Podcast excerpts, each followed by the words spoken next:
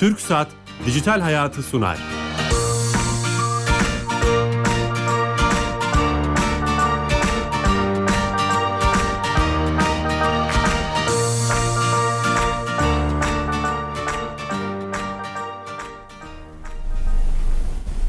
TRT Radyo bir mikrofonlarından herkese merhaba. Ben Bilal Eren. Her cuma teknoloji, internet ve sosyal medyanın hayatımıza etkilerini konuştuğumuz, konu edindiğimiz dijitale hoş geldiniz. Bugün çok özel bir konukla bir saatlik özel bir yayın yapacağız. Milli Eğitim Bakanlığı Müsteşarımız Doçent Doktor Yusuf Tekin Bey'i konuk ediyoruz. Aslında belki de konuk oluyoruz Ankara'dan özel yayınla. Sayın Müsteşarım hoş geldiniz. Hoş bulduk sağ ol Bilal Bey. Nasılsınız? İyiyiz Allah'a şükür. Koşturuyor. Yoğun bir koştur, Koşturuyorsunuz. Twitter'dan takip ediyorum. Dün Yüksekova'daydınız sanırım. Ee, davetimizi Doğru. kırmadınız. Ee, eğitimi her yönüyle konuşacağız. Milli Eğitim Camiası'nı, e, buradaki dijitalleşmenin sonuçlarını. Sorular da çok geldi Twitter'dan. Onları da size ileteceğim. Ee, umarım güzel bir programımız olacak. İnşallah. Ee, bir saatlik bir yayın yapacağız. TRT Radyo 1 mikrofonlarında. Şöyle başlamak istiyorum. Ben sizi bir, bir buçuk sene önce e, bir televizyon programında konuk etme şansım olmuştu. O zaman Twitter'ı e, çok kullanmıyordunuz sosyal medyayı. Yoğunluğunuz vardı. Çok da belki alışamadınız.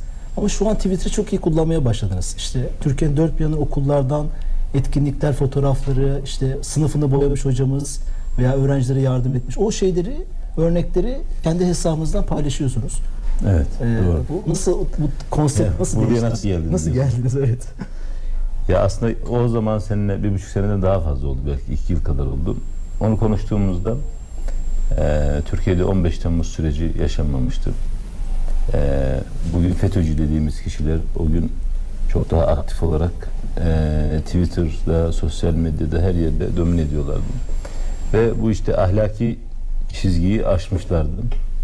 E, yazdığınız her bir iyi haber ya da herhangi bir iyi dileğin altına küfür niteliğinde, hakaret niteliğinde yüzlerce mesaj geliyordu. E, o da insan tabi haliyle e, ruh halini bozuyordu. Yani kaş yapayım derken göz çıkarmış oluyorsunuz, canınızı sıkıyor vesaire. Şimdi e, şöyle bir ilke kararı aldım. E, artık oradaki küfür ya da e, hakaret içerikli mesajlara çok takılmıyorum. Ama bir iletişim aracı olarak yoğun bir şekilde kullanıyorum doğru. E, çok da iyi geri dönüşler var. Ben elimde not defteriyle orada gelen pozitif şeyleri, yapılması gereken, sahadan haberdar olmamız gereken şeyleri not ediyorum. Gelip burada arkadaşlarla paylaşıyorum. E, neler yapılması gerektiğine dair. E, bu güzel. İkincisi şöyle bir şey var. Ee, okullar, öğretmenler ve eğitim sistemi üzerinden ciddi bir karalama kampanyası söz konusu. Biz bir milyona yakın personel olan bir aileyiz. Çok büyük aile. Tabii çok büyük. Yani yapı büyük. Ee, dolayısıyla böyle bir yapı içerisinde olumsuz ve kötü örnekler e, çok çok yani istatistik anlamda görülmeyecek kadar küçük oranda e, şeylerle karşı karşıya kalıyoruz. Örnek uygulama e, diye böyle çıkartıp sanki e, kamuoyuyla Ve paylaşıyorlar. kötü yayılıyor değil mi müsteşar? Tabii çok çabuk yayılıyor. Ee, bir tane kötü olay yaşanıyor. İşte bir öğretmen öğrencisine kötü davranmış. Yani birkaç gün boyunca ana haber bültenleri dahil. Medya döndürüyor onu. Medya sürekli bunu döndürüyor ve bütün öğretmenler sanki böyleymiş gibi bir algı oluşturuyor.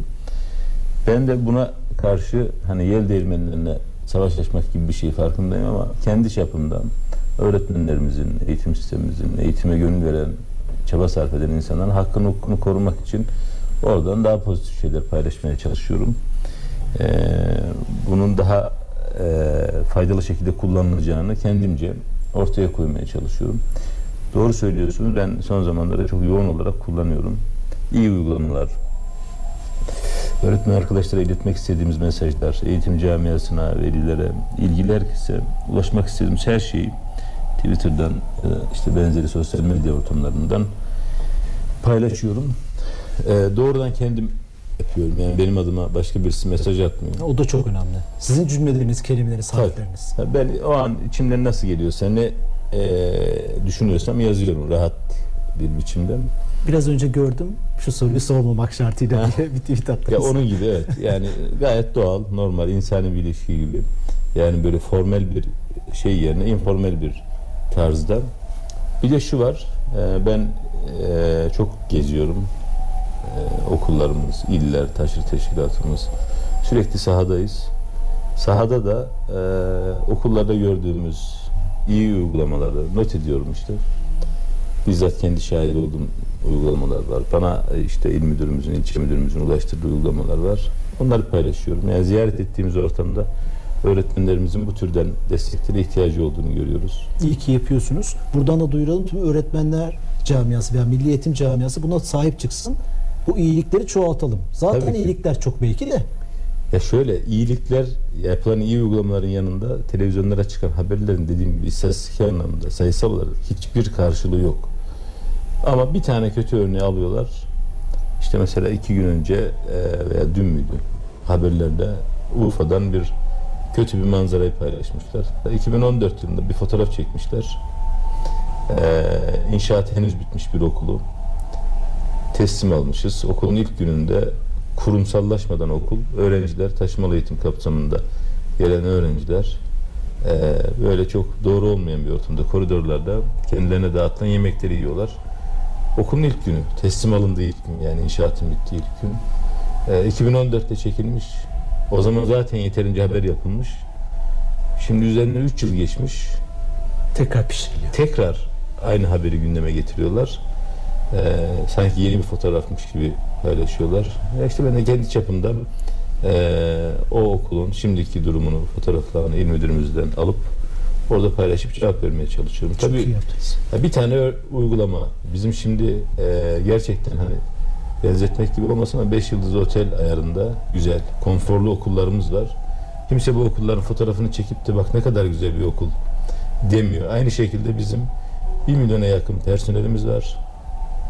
Öğretmen, idareci e, ve e, çalışan düzeyinde.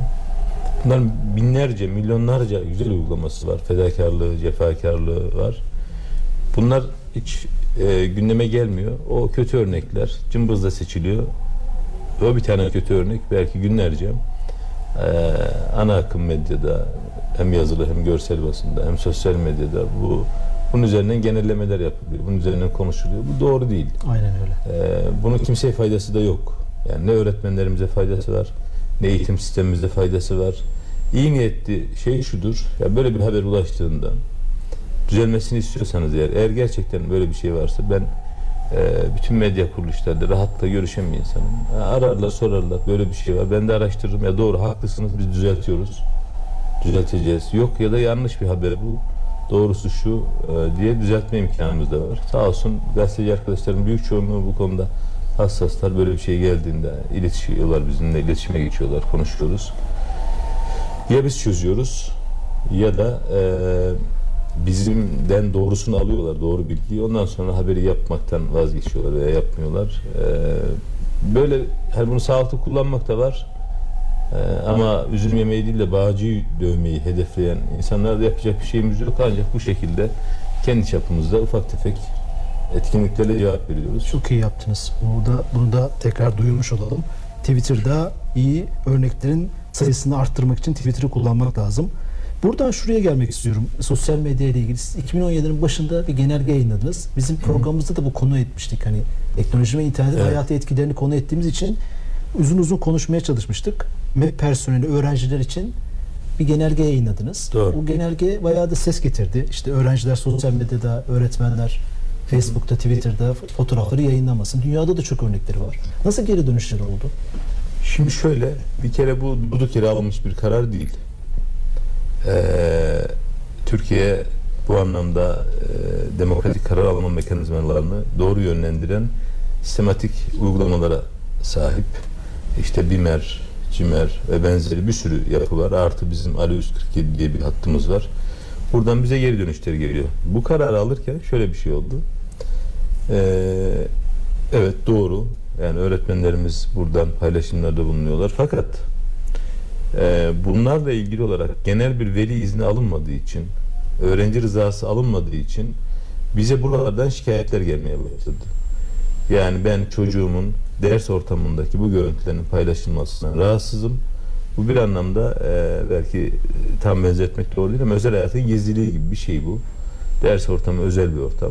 Bunu yaptığınız zaman buna müsaade ettiğiniz zaman aynı şekilde öğrencilerin de e, sosyal medya hesaplarından bu tür uygulamaları paylaşması e, da beraberinde geliyor. Bu ama sonuçta e, genel anlamda iyi uygulamalar paylaşılsa da sonuçta hukuki bir süreçte karşı karşıya kalmak durumundayız.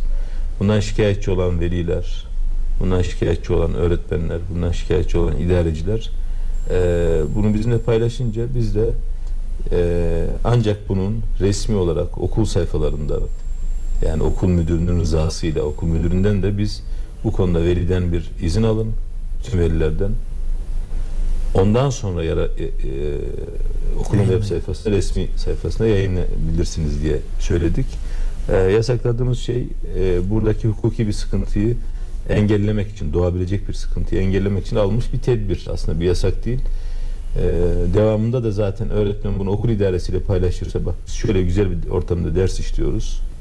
Siz bunu e, okulun sayfasına koyarsanız iyi olur, özendirici olur derseniz sadece okullarımız değil genel müdürlüklerimiz de yapıyor. Herhangi bir genel müdürlüğümüz bu anlamdaki iyi bir uygulamayı e, görselleriyle beraber paylaşıyor. Ama bu sadece tek farkı biz gerekli hukuki prosedürü tamamlayıp yapıyoruz. Öğretmen tek başına yaptığı zaman ise burada e, o hukuki prosedür noktasında sıkıntı var. Bir tane veli dava açabilir. Bir tane öğrenci bunu şikayet Haklı bir dava da olabilir. Haklı bir dava da olabilir. Biz buna yönelik bir tedbir olsun diye sadece bu anlamda izin prosedürü tamamlanmayan görüntülerin e, paylaşımların yapılmaması gerektiği konusunda uyardık biz. E, elimizde çok hani bununla ilgili çok sayıda eleştiri, şikayet ve e, öneri vardı. Onları değerlendirdik bir anlamda. Uyuluyor mu peki o genelgeye genelde baktığınız Tabii, zaman? tabii şu anda uyuluyor. Ee, genellikle her bu paylaşımlardan dolayı biz öğretmen arkadaşlarımıza e, geri dönüş yapıyoruz. Niye böyle bir şey yaptınız? Büyük çoğunluğu zaten iyi niyetle paylaşmış Evet, oluyorlar. iyi niyetle. Ee, biz kendisiyle bak velilerin şikayeti var dediğimizde velileri de görüştürüp e, bir noktada uzlaştırıyoruz. E, doğru disiplin cezası verildiğimiz söylenemez ama bir sonuçta böyle bir yaptırımın olması gerekiyor. Evet, dijital dünyanın kurallarından biri aslında bu. Ee, tam da onu soracaktım. Bu kadar hızlı değişen bir e, e, dünya var. Kuralları hala da oturmamış. Evet. Siz bu web camiası bir önce sayılar veriyorsun. Bir milyonluk bir camia. Hem eğitim müfredatı anlamında hem o davranışlar, idari kurallar, dijitalleşmeye nasıl adapte olacağız? İşte öğretmenlerimiz, işte jenerasyon olarak mesela bu kuşağı yakalayamamış dijitalleşme anlamında söylüyorum. Mesela hiç Twitter olmayan bir öğretmen veya bilmeyen, örneğin bunun ruhunu bilmeyen, interneti bilmeyen bu şeyi nasıl sağlayacaksınız? Bu sadece öğretmenler için değil bütün de, sektörler için. Ee. Doğru. şimdi dünyada bu tür şeyler, yenilikler ortaya çıktıkça e, belli bir süre sonra bunun etik ilkeleri kendiliğinden ortaya çıkmaya başlıyor. Şu anda benim e, yani belki e, bir eleştiri olacak ama sosyal medya ile ilgili en büyük eleştirim e, etik ilkeleri oturmamış. Aynen. Yani orada e, etik herhangi bir değer gözetilmeksizin değerlendirmeler yapılıyor. İşte bir herhangi bir internet sitesi bir haber yapıyor. Haberin doğruluğu tartışılırken altında yüzlerce yorum var. Yürümüş gitmiş oluyor. Yürümüş gitmiş oluyor olay ve yorumlar içerisinde kişilerin hak ve hukuklarını halel getirecek çok sayıda e, dedikodu, eleştiri, e, hakaret noktasında e, şeyler var. Sosyal medya etik kurallar oluştuğunda belki burada bir filtreleme kıstası oluşturacak. E, bu anlamda etik ilkelerle çelişen yorumlara yer vermeyecek belki. Ama şimdi bu oturmamış tam. Oturmadığı için bizim bu tür tedbirler almamız gayet doğal. Doğru. Ee, Biz bakanlık olarak yani bu dediğiniz gibi bütün öğretmenlerin sosyal medyayı kullanmıyorlar. Kullanan öğretmenimiz var, kullanmayan öğretmenimiz var. Öğrencilerimiz çok yoğun kullanıyorlar.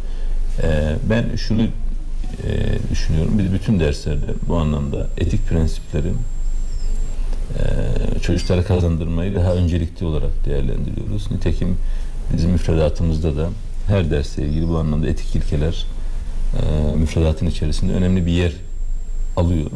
Bir dijital okur yazarlık gibi mi? Evet. Öyle bir Evet. Okur yazarlık dediğiniz şey zaten aslında okur yazarlık kendi içinde bir etik e, ilkeyi de barındırıyor. Dolayısıyla e, bu kültürü vermek aynı zamanda beraberinde saygı duyulması gereken ilkeleri de vermeyi getiriyor. Biz bu dersler içerisinde e, sosyal medya kullanmasını bu ilkeler çerçevesinde öğrencilerimize e, ders içerisinde öğretmen arkadaşlarımız örnek uygulamaları belki bizim yaptığımız şeyler de bu anlamda örnek uygulamalar e, olarak paylaşmış oluyoruz. Belki bir bu etik çerçeve içerisinde sosyal medya kullanımında yaygınlaştırmış olacağız. O, o süreci de bir hani eğitimin bir parçası olarak Evet evet. Yani bunun müfredata belki girmesi. E tabi. Değil mi? Bu konuda dün, dün bir haber okudum İngiltere'de. Hemen yeri gelmişken İngiltere'de bir şöyle bir tartışma var. E, gençlere fake news yani yalan haberi, internette yalan haberi, yalan videoyu, yalan içeriği nasıl tanırsın dersi. Bununla alakalı bir müfredat hazırlıyorlarmış. Böyle bir Hmm. haber okumuştum. Yani dünyada bu konuda e, bununla mücadele etmek için çalışıyor. Ya biz de e, bu anlamda işte bu sürecin içerisinde e, kişilerin hak ve hukuklarını korumanın gerekliliği üzerinden bunu yapıyoruz. Çok saygılı e, bu anlamda bu ilkelere çok saygılı çocuklarımız var, öğrencilerimiz var. Sosyal medyayı bu ilkeler çerçevesinde kullanan e, öğrenci arkadaşlarımız var, öğretmen arkadaşlarımız var. E, bunun, bunun bu şekilde yaygınlaşmasına katkı sağlamış olacağız. İnşallah. Ee, e, tabii bu, bununla ilgili çok e, sorular da geliyor. Onları da ben ileteceğim size. Ama diğer bir şeyim de sorum da benim de çok yakından takip ettiğim kişisel olarak e, merak ettiğim Fatih projesi. Evet. Çok müthiş bir şeyle başlamıştı. Dünyada parmakla gösterilen projelerden biri olarak başladı. Sonra bazı sıkıntılar oldu sanırım. Ee, işte içeriğin içerikten dolayı. Ama şu an son bir, bir buçuk senedir onunla da ilgili güzel haberler geliyor. En son durumu en yetkili kişiden Evet. öğrenelim size. Fatih projesi ne aşamada? Bitecek bir iş değil tabii bu ama E, edelim. en azından e, Fatih projesi e, baştan başlamış olmasını sağlamalıyız. Bitmeyeceği kesin. Çünkü Fatih projesi beraberinde çok yaygın bir e, katma değeri öngörüyor proje.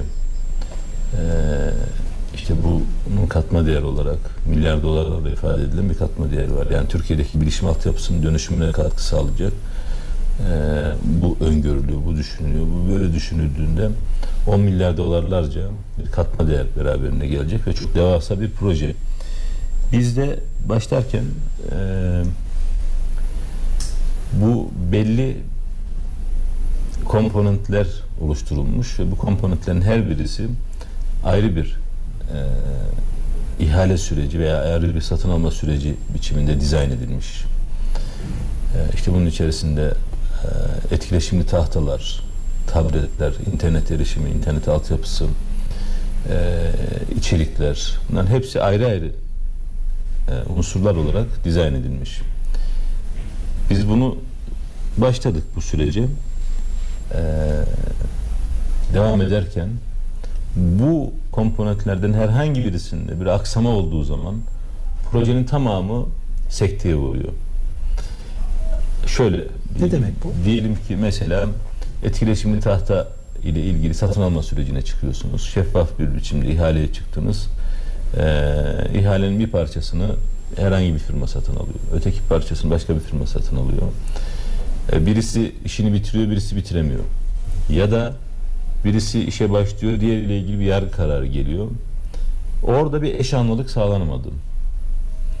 Ee, dolayısıyla mesela tahtalar şu anda o zamanki ihaleye çıktığımız koşullarda yaklaşık 450 bin sınıfa etkileşim tahta kurulacaktı. Tahtalar kuruldu ama tablet sürecinde aksama oldu. e, aksama oldu. Yargının burada verdiği e, kararlar oldu. Aksadı.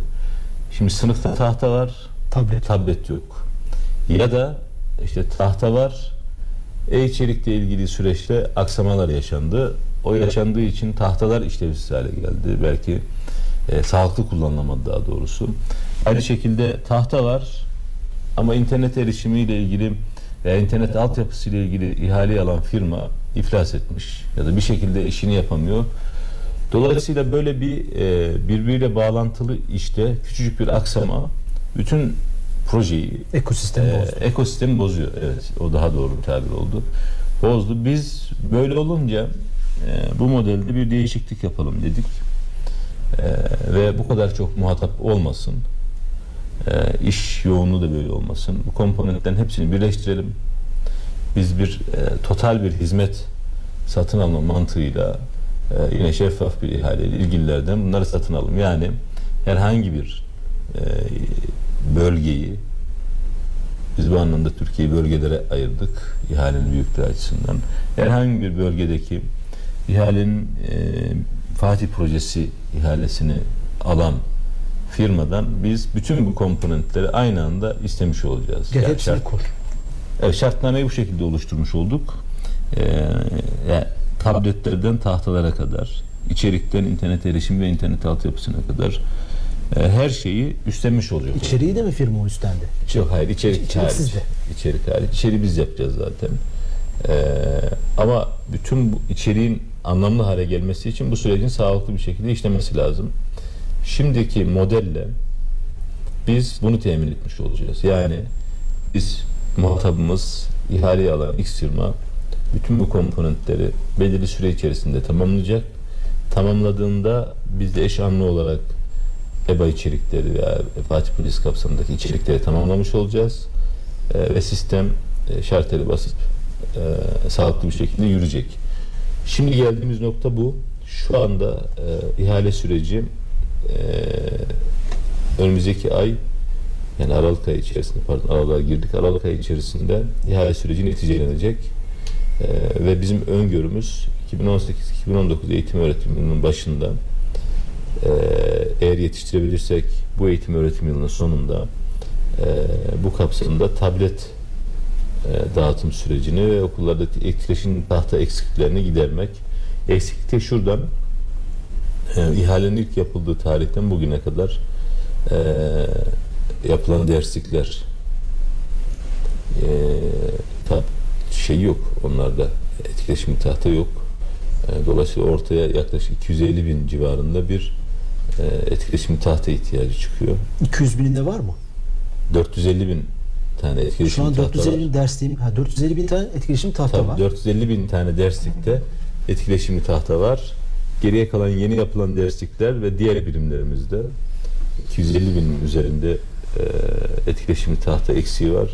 Dediğim gibi bunların büyük çoğunluğu yeni yapılan derslikler, yeni okullarımız. Üçte ikisinde var o zaman Sayın Müsteşar. Tabii üçte ikisinde var.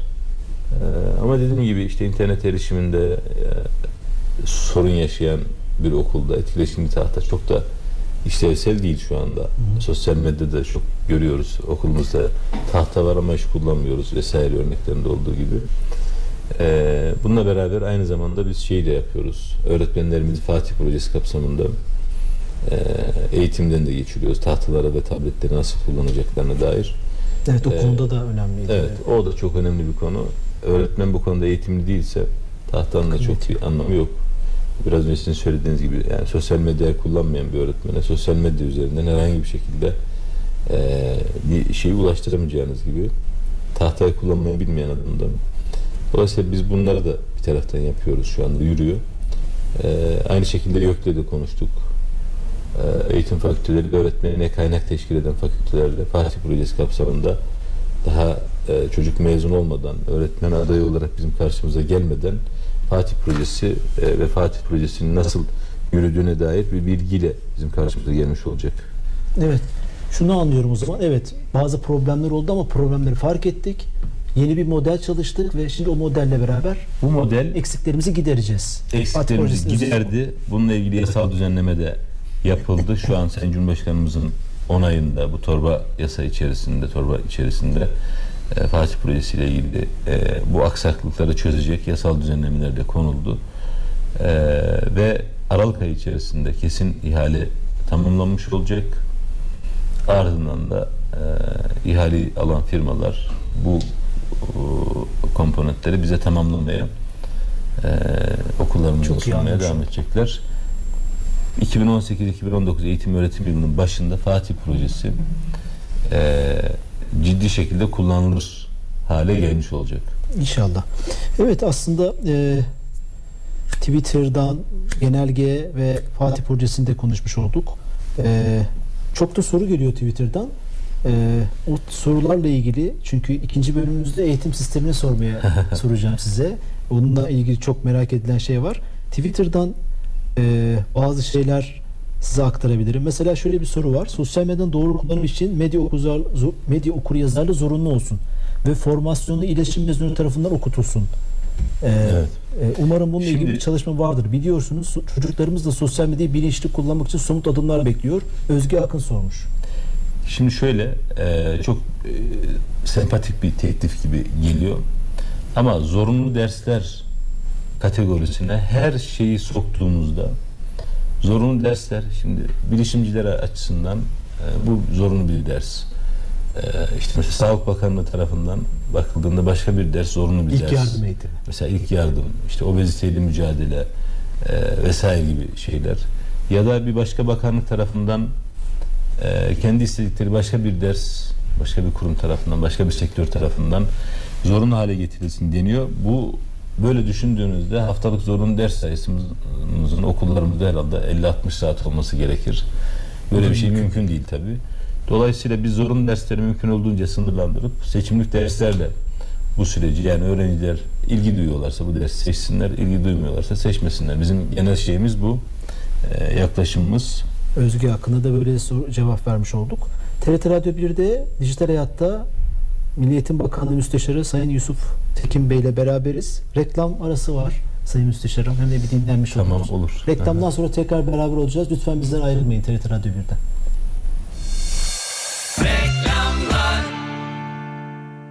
Türkcelli evler ışık hızında ışık hızında Işık hızında süper online fiber internet 69.90 TL'den başlayan fiyatlarla. Üstelik ilk 3 ay ücretsiz.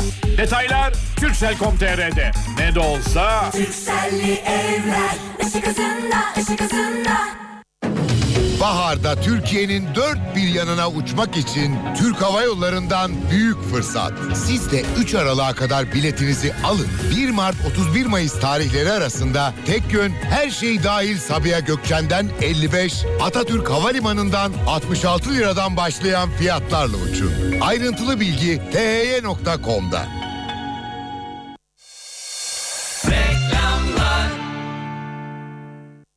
Sorayım tamam hemen onunla başlayalım. Evet tekrar beraberiz TRT Radyo 1'de Dijital Hayat programımızda e, Milli Eğitim Bakanlığı Müsteşarımız Doçent Doktor Yusuf Tekin Bey ile beraberiz. İkinci bölümdeyiz. E, hemen şöyle bir Twitter sorusu var.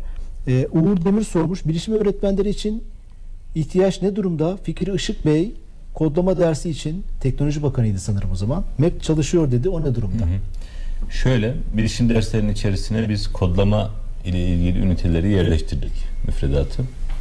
Ee, dolayısıyla o zaman Bilim Sanayi ve Teknoloji Bakanımız idi Fikri Bey, Fikri Işık Bey. Ee, onlarla da beraber çalışmıştık o bakanlıkta. Ee, yenilenen müfredatın içerisinde e, kodlama eğitimi var. Ayrı bir ders olarak değil ama arkadaşlar ayrı bir ders olarak bunun koyulmasını istiyor. Ama e, ben biraz önce de söyledim. Bu kadar ders sayısını, zorunlu ders sayısını artırmak e, pedagojik olarak da çok doğru değil. Kodlama dersinin içerisinde, şey bilişim e, dersinin içerisinde kodlama ile ilgili kısımlar da var. Ama e, yine tekrar söyleyeyim okullarımızda seçimlik kodlama dersi ayrı bir ders olarak koyulabilir. E, bu doğaldır ama zorunlu dersler içerisinde e, bu olmaz. E, böyle bir zorunlu ders koymamız çok doğru değil. Ama bilişim dersinin içerisine kodlama ile ilgili e, çocuklarımıza bu anlamda e, belki e, yönlendirebilecek e, üniteleri ve müfredatlarda yerleştirilmiş durumda. Bunu da e, size iletmiş olduk. Çok soru var ama eğitimi konuşmak istiyorum. E, yeni eğitim sistemi ülkenin en önemli gündem maddelerinden biri. E, siz de bulmuşken en yetkili kişi olarak eğitim sistemini soracağım ama modeli sormak istiyorum aslında. Hani sizin e, bir mülakatınızı dinlemiştim. İlk önce model konuşmak lazım. Evet. O modeli bize anlatır mısınız? Ya şimdi şöyle, e, kamuoyu çok anlık baktığı için olaya buradaki sürekliliği fark edemiyor. E, fakat bakanlık e, kendince bir politika tespit etmiş ve bunu e, hızlı bir biçimde hayata geçirmek yerine ondan doğabilecek sakıncaları bertaraf etmek için adım adım hayata geçiriyor. Bir örnek olsun diye söyleyeyim. Mesela şimdi Cumhurbaşkanımız e, 2002'de dershanelerin kapatılmasını e, gerek gerektiğini kendisi dile getirmişti. Ne yapıldı önce? Dershanelerle ilgili e, süreç okullarımızda çocuklarımızın dershane ihtiyaç duymayacağı bir ortam oluşturulmaya çalışıldı. Ondan sonra da dershanelerle ilgili yasal düzenleme hazırlığı başladı. Birbirini izleyen şeyler. Aynı şekilde e, işte öğretmen eğitimiyle ilgili olarak bir yine bir örnek olsun diye söyleyeyim. E, öğretmenlerimizin e, bu anlamdaki becerilerini artırmak amacıyla önce öğretmen strateji belgesini hazırladık. Sonra öğretmen yeterliliklerini buna göre tanımladık. Şimdi öğretmenlerimiz hizmetçi eğitimlerini buna göre yapacağız. Şimdi hiç bunları atmadan, bu adımları atmadan direkt öğretmenlerle ilgili herhangi bir e, hizmetçi eğitim prosesi başlatmak sizin total hedefinizi, nihai hedefinizi birdenbire kaybettiriyor. Bir, Şimdi bir bu- fizibilite süresi olmalı. Fizibilite ve geçiş süreci Peki diyelim. şöyle hemen bir soru sorayım. Şikayetlerin en büyük noktası dev kaldırılacak dendi. Bu sene kaldırılıyor. Hani iki sene sonrası kaldırsaydık mesela. Onda niye bir geçiş süreci olmadı? Şimdi burada da işte biraz önce aslında bu örnekleri bunun için verdim. Ee, 2013 yılında biz TEOK modelini bizzat benim de içinde bulunduğum e, ortamda açıklarken şu söylemi kullanmıştık. Bizim nihai hedefimiz ortaokullardan liselere geçişte öğrencilerimizin herhangi bir sınava gereksinim duymadan geçişlerini sağlamaktı. TEOK da böyle kurgulandı.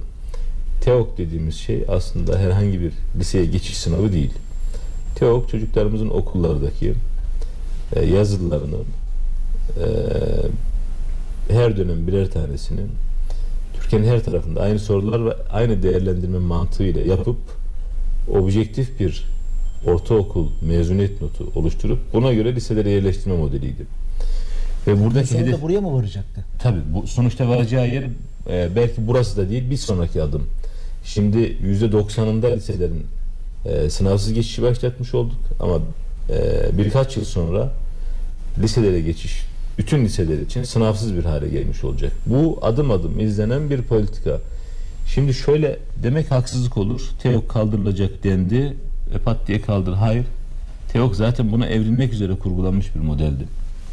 Buraya gelecekti. Ee, ve yine adımlarımız buna göre devam edecek. Şimdi ne yaptık?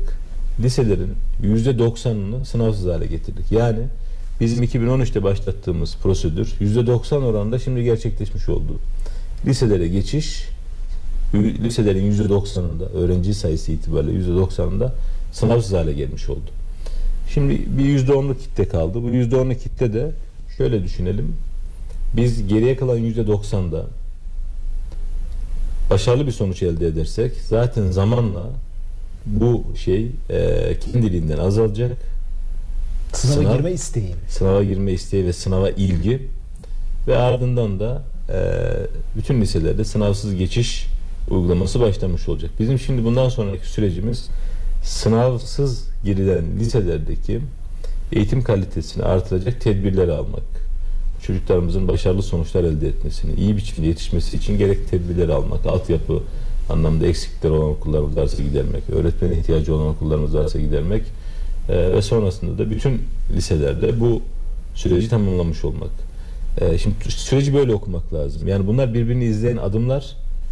Dediğim gibi 2013'te bizi dinleyen arkadaşlar e, böyle e, bu anlamda ne söylediğimizi anlayarak dinleyen insanlar bizim zaten o tarihte bunu söylediğimizi fark edecekler. Bunu daha iyi anlatmak lazım belki de Sayın Müsteşarım o zaman. Değil mi? Bu Belki- çünkü önemli bir şey söylüyorsunuz siz. Ama en başta konuştuğumuz şeye geliyoruz. Yani medya e, ve kamuoyu bu anlamda kendi ilkeleri açısından ön plana çıkaracağı hususları. Mesela biz bakanlıkta hiçbir gün TEOK sınavı diye bir kavram kullanmadık. Hiç kullanmadık. Ne resmi yazılımlarımızda kullandık, e, resmi evraklarımızda ne de e, bizim bakanlık personeli olarak yaptığımız e, toplantılarda, konuşmalarda hiçbir yerde böyle bir ifadeyi kullanmadık. Ama kamuoyu TEOK sınavı diye TEOK sınavı haftası, TEOK sınavı soruları, TEOK sınavı için öneriler gibi böyle e, şeyler yapmaya başladı. Bakın bu biz kullanmadığımız halde bu böyle. Algı da medya bunu e, kendisi açısından PR değeri olan, haber değeri olduğunu düşündüğü kısmını çekiyor ve orayı abartıyor biraz. Oranın üzerine gidiyor. Oranın üzerine gittikçe bizim asıl e, vermek istediğimiz mesaj kaybolmuş oluyor. Bu liselere geçişleri de aynı şey söz konusu. Bakın şimdi söylüyoruz yine. Diyoruz ki biz Ee, yapabildiğimiz en hızlı süre içerisinde ortaokullarla liseleri eşleştireceğiz. Yani çocuklarımız ortaokula kayıt yaptırdıkları zaman hangi liseye gideceklerini, hangi liselere gidebileceklerini daha doğrusu diyelim kendisinin karşısına seçenekler sunulacak. Evinin yanındaki bir Anadolu Lisesi, evine yine yakın bir meslek lisesi, evine yakın bilim lisesi. Yoksa Diyecek ki bu çocuk yakın derken evin hemen yanındaki değil.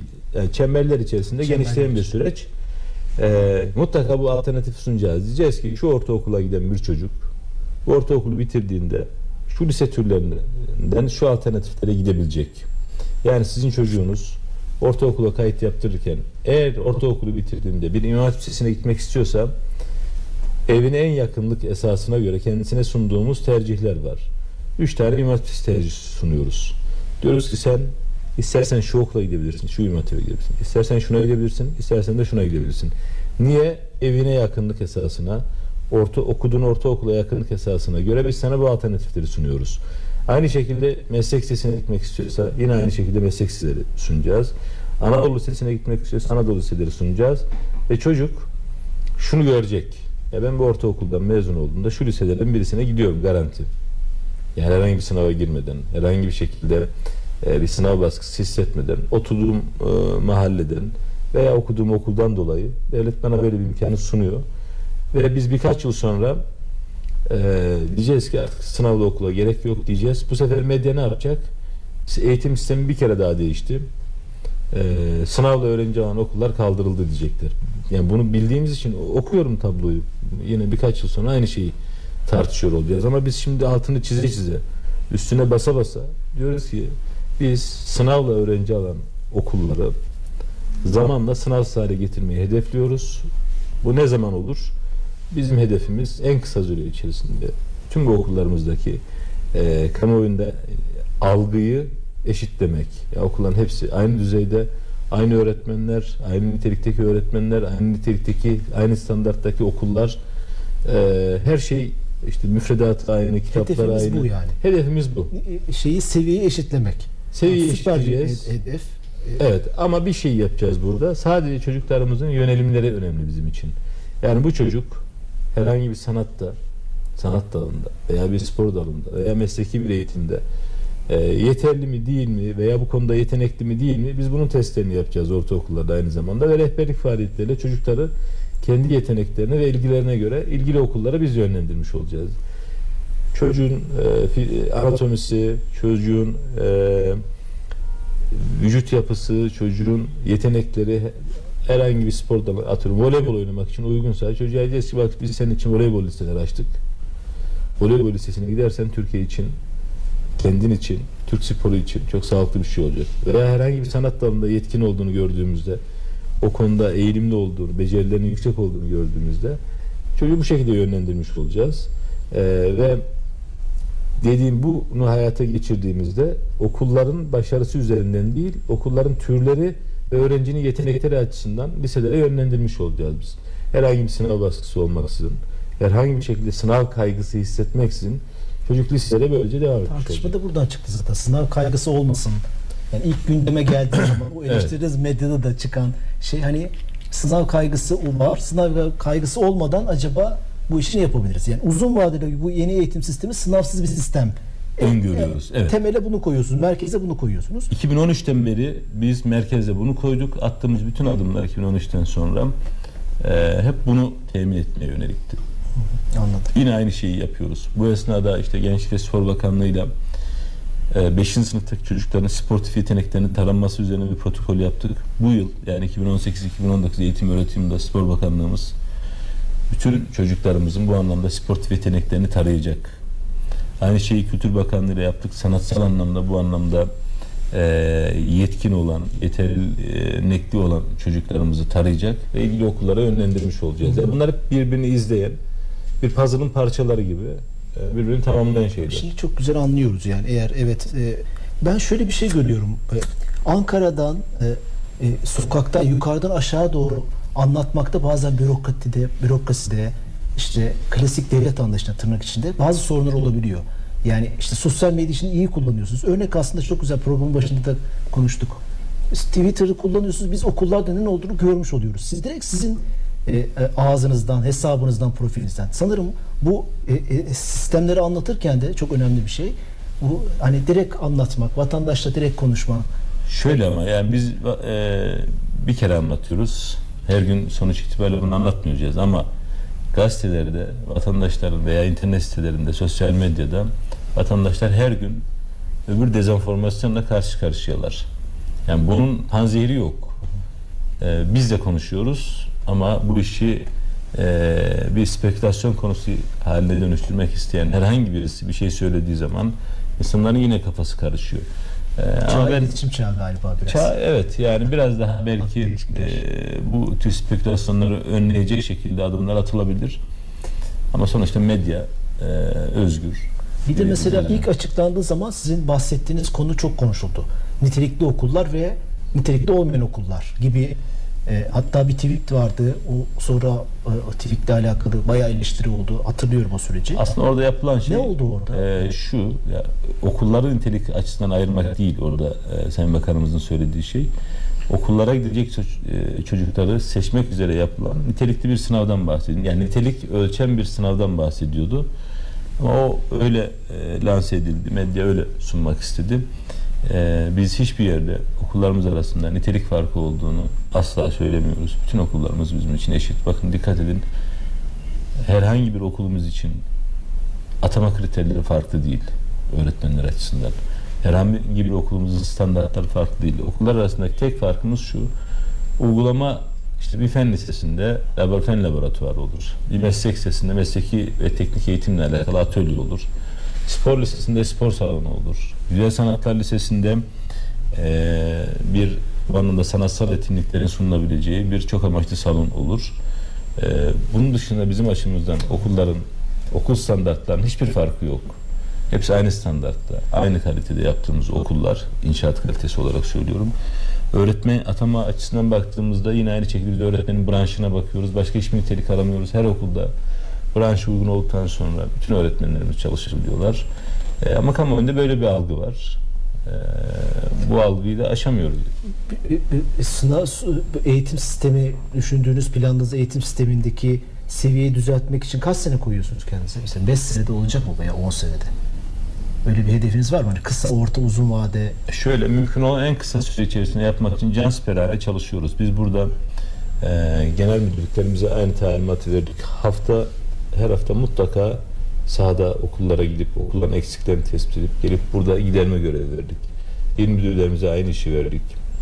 E, herhangi bir okulumuzun ne tür bir eksiği varsa hemen giderme yönünde tedbir alıyoruz. Okul standartları ile ilgili eksikler olan okulların tespit edilmesi için okul müdürlerinin kullanabileceği bir modül oluşturduk.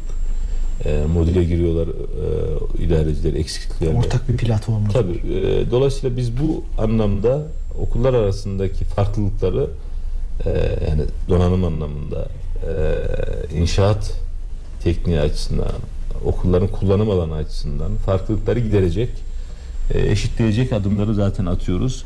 E, 2019 yılında zaten tekli eğitime geçmiş olacağız bütün okullarda. Bu önemli bir gösterge. E, bunlar sağlandıktan sonra e, benim tahminim yani e, kısa bir süre Bir içerisinde 2023 hedefi var ya 2023. 2023 inşallah e, 2023'e kalmayacak inşallah. Peki bu e, biraz da o sistemin detaylarıyla ilgili sorular sormak istiyorum kalan vakitte. Şimdi bu sene e, sonunda bu sistem artık başladı yürürlüğe girdi. Yüzde isteyen sınava girecek, istemeyen girmeyecek.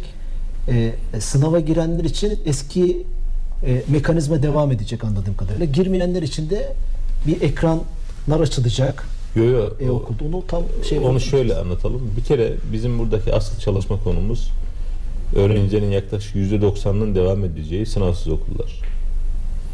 Yani bizim e, e, üzerinde çalıştığımız asıl konu burası.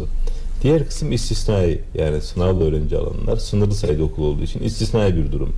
Bir kere asıl biz çalışmamızın odak noktasına bu %90 öğrencinin gideceği okulları koyduk.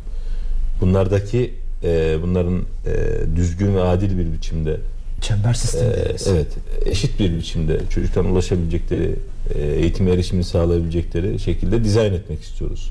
Asıl biz bunun üzerine odaklandık. Sınav kısmı, sınav zaten çok teknik ve bizim açımızdan pratize etme anlamında, uygulamasını yapma anlamında çok basit bir Zaten uygulama. tecrübe ettiğimiz bir şey. Evet zaten tecrübe ettiğimiz bir şey. O onun üzerine çok e, fazla durmuyoruz zaten biz. Asıl bizim burada %90'lık kitle.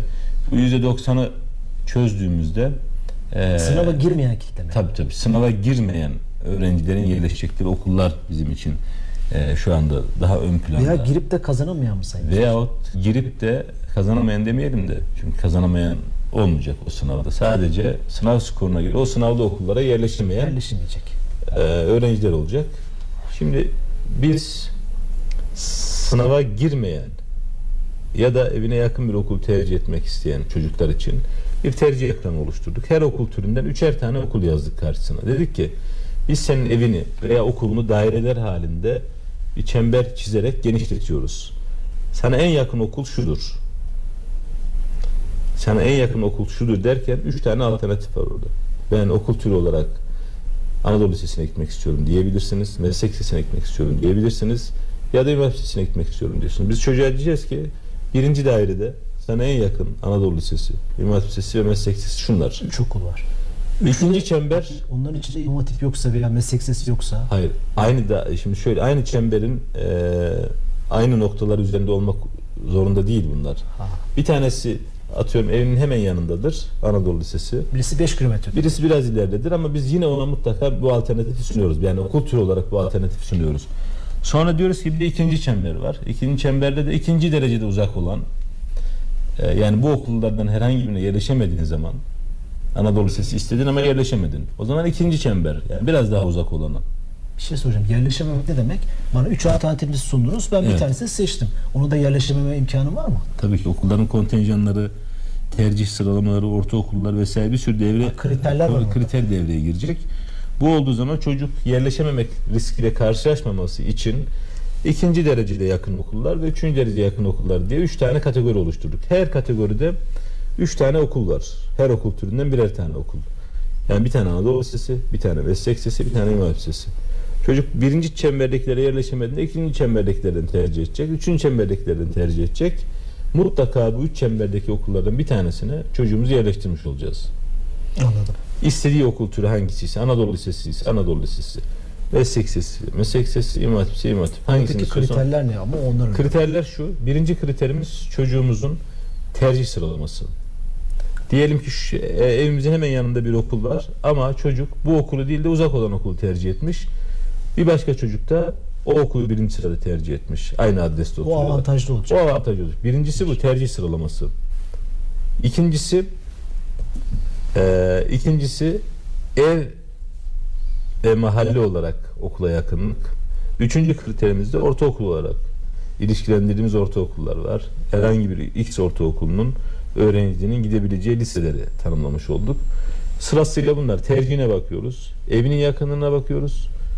Gittiği ortaokula bakıyoruz. Buna göre biz bu çocuğu istediği okul türlerinden bir tanesine mutlaka yetiştirmiş olacağız 9 tercihten.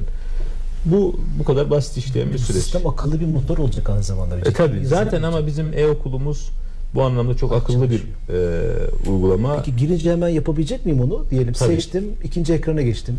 Bu yani Hayır, yoksa 9, bir ay ter- dokuz yani- tercih sunuyoruz. Dokuz tercih. 9 tercihin içerisinde çocuk e, bunu zaten bilecek. Evime en yakın olan şu, sonra şu, sonra şu diye. Aynı şekilde meslek liseleri, imam hatip liseleri için de bunu görmüş olacak. Tercihini yapacak, e, kaydedecek. Biz burada elektronik ortamda biraz önce söylediğim kriterleri göz önünde bulundurarak e, otomasyonla çocuklara Atacaksınız atacağız. Peki kabul etmedi veya fikir değiştirdi. Böyle olumsuz durumlar. Hayır şöyle e, bunlar hep olan şeyler zaten sistem içerisinde ve sistem bunun tedbirini almış durumda. Biz bütün okullarımıza Temmuz ayı sonunda hangi öğrencinin hangi okula kaydı olduğunu ilan ettikten sonra bu kez boş kalan okullarımız olabilir, kontenjanı olmayan okullarımız olabilir. E, yerleştiği okulda memnun olmayan öğrencilerimiz olabilir. Şimdi bu birinci aşama. Normali bu. Sonra ikinci kısımda istisnai durumlar var. Her zaman olan şeyler bunlar. Okuluna memnun olmayan, boş kontenjanları varsa ben okulumu değiştirebilirim diyenler varsa onlar için ayrı bir süreç devam edecek. Ama ana kitle Temmuz ayı sonu itibariyle gideceği okulu öğrenmiş olacak. Velilerimiz çocuğun kaydını yapılmış olarak görecekler elektronik ortamda. Ondan sonra tatillerini yapacaklar. Eylül ayı ortasında okul başladığı zaman da çocuk gelecek okuluna devam edecek. Evet bir- bu ilk sene olacağı için belki bazı insanlar e, Bununla şey- ilgili biz e, medyada çok paylaşım yapacağız. Ha, E, çok yani simülasyonlar, Tamam. e, rehberlik faaliyetleri, e, bütün bunları dizayn edeceğiz. Şimdi bunları konuşmak çok erken ama Mayıs ayı, Haziran ayında okullarımızda bu yönde yoğun bir biçimde e, velilere ve öğrencilere yönelik bilgilendirme etkinlikleri yapacağız. Hem medya üzerinden iletişim hem birebir. kanallarını kullanacaksınız Evet, bu konuda. Çünkü evet. çok ihtiyaç olacak. O anlamda görünen o. E, e, peki bir okulda yığılma olursa veya bir okul grubunda e, Yığın olmayacak, şöyle olmayacak. Biz her okulu, her bir liseyi o çember içerisindeki öğrenci sayısını biliyoruz biz. Yani 8. sınıftaki öğrenci sayısını biliyoruz. Ortaokul sayısını biliyoruz. Dolayısıyla o liseyi oluştururken o kontenjanı göz önünde bulundurarak oluşturduk. Çemberi genişlettiğinizde o çember içerisinde kalanları biliyorsunuz. Ve dolayısıyla burada e, çocuklar istedikleri okul türlerini tercih edecekler. E, belli okullarda yığılma, birinci derecedeki okulda yığılma var. O zaman biraz önce söylediğim kriterler çerçevesinde çocuk ikinci okula, üçüncü okula yönlendirilecek. alternatif seçenekler olacak. Evet. Şunu anlıyorum o zaman ben. e, e, önemli burası. E, kısa, orta ve uzun vadeli hedefler var. Hedef sınavsız bir eğitim sistemi. 4 artı 4 artı 4 bu devam ediyor. Bunda Tabii. bir değişiklik yok. Bütün hedefimiz okulların niteliklerini e, mümkün olduğu derecede aynı seviyeye yükseltmek. Belki bu sayede özel okulların sayısı da artacak. Ve bir rakam okumuştum. Avrupa'da özel okul sayısı %18, %20'lere geliyor. Şöyle- %3'lerde, 4'lerde bildiğim kadarıyla. Şöyle, e, Bu sistem onu getirir mi? OECD ortalaması %16, %17 özel okul yani 100 okuldan 15-16 tanesi özel okul e, işte 80-85 tanesi OECD ortalaması böyle. Bizde 2013 yılında bu rakam e, %3 bandında idi. %3'ün altında okul türleri itibariyle. Şimdi bu rakam %8'lere geldi. Biz 2023 hedefimiz %15'ler çıtasını yani OECD ortalamasını yakalamak. Bu sistem onu iter mi? Bu sistem eee, değil de biz zaten dershaneleri kapattığımızda dershanecilere eğitim yatırım yapmak istiyorsanız eğer işletmecilere, özel sektöre okullaşın biz de size destek olalım demiştik. O sayede zaten sırf bu yıl eee, 1700 civarında özel okul açıldı. Onu tetiklemiş demek. Tabii o tetiklemişti yani bu sınavla alakalı değil. Eee, Türkiye'nin bu anlamdaki politika, bakanlığın bu anlamdaki politikasının gereği olarak özel okullaşma zaten artıyor. Acayip soru var tabii bu konuda ama zamanla siz de söylediniz. Nisan, Mayıs, Haziran aylarında biz bunun detaylarını anlatacağız. Şunu soracağım bir de çok eleştiri oldu, gündem oldu. Bu PİSE direktörü e, beyefendinin açıklamaları. Orada bir şey dikkatimi çekmişti. Ezbere sistem Evet. konusu. E, ezbere sistem yapıyorsunuz ve dünyada yarışmacı olamaz bu sistem. Siz de ona çok başka bir başka bir pencereden bir açıklama yapmıştınız. Ben şunu söyledim. Her ülkenin kendi insan profili ve gelenekleri itibariyle öğrenme yöntemleri farklılaşabilir. Finlandiya'daki bir e, Finlandiya'da toplum yapısının öğrenme seçenekleri farklı olabilir. Başka bir ülkede farklı olabilir. E, bizde de ezber herhangi bir metni ezberlemek e, bizim öğre, klasik öğrenme yöntemlerimizden bir tanesi. Bu ezber dışındaki öğrenme yöntemlerini kapatalım demiyorum ben. Onlar da kuşkusuz kullanılacak ama ezber de bir yöntem. Dünyanın neresinde e, ülkenin bağımsızlık marşını, İstiklal Marşı'nı ezbere okuyamayan öğrencilere ve okuyamayan kişilere karşı bir yadırgama, bir yatsıma var. Biz biz böyleyiz. İstiklal Marşı'nı, gençliğe hitabeyi, ölünün arkasından Fatiha ezbere okumayı bunları biz e, bir realite olarak kabul ediyoruz. Dolayısıyla bizim geleneğimizde ezber bu anlamda kullanılabilecek öğrenme yöntemlerinden bir tanesi. Ha, PISA direktörü Batı ülkeleri için bunu söyleyebilir ama bizde e, bu kadar da tukak hale getirmemek gerekiyor ezberi. Evet bunu da sormuş oldum. Ee, birkaç tane de Twitter şeyi okuyalım Evet. mı? Mesela şöyle bir şey var. Geçici öğretmen sözleşmesiyle yaklaşık 950 bin Suriyeli öğrencinin Türkiye eğitim sistemine uyumu için çalışan geçici öğretmenler kalıcı istihdam bekliyor. KPSS ve mülakatla görümüze gelmemizi hatırlatarak yetkililerin sesini duymasını istiyoruz. Mesut Kılıç sınıf öğretmeni. sonra. Ee, şimdi şöyle e, bu Suriyeliler için bize e, Avrupa Birliği fonlarından gelen uluslararası kaynaklar var. Bu bahsi geçen öğretmenler o kaynaklarla istihdam edildi. Ve o kaynakların devamlılığı süresince çalışacaklar. Kaynaklar fonlar bittiği zaman bu, bu arkadaşlarımızın kadroya geçmesi gibi bir şey şu an gündemimizde planımızda yok. Ee, onlar sadece bu projeyle sınırlı çalışan arkadaşlarımız. Sayın Müsteşarım çok teşekkür ederim. Vaktimiz doldu maalesef. Çok güzel geçti muhabbet. Çok acayip soru var ama kısmen sorabilirim. Şarta uymadık ama olsun. Ee, ayağınıza sağlık. Teşekkür Ee, bizi ederim. konuk ettiniz. Teşekkür ederiz. Haftaya yeni ve konu, konu ve konuklarla beraber olacağız. Dijital hayattan ayrılmayın. İyi hafta sonları. Hoşçakalın.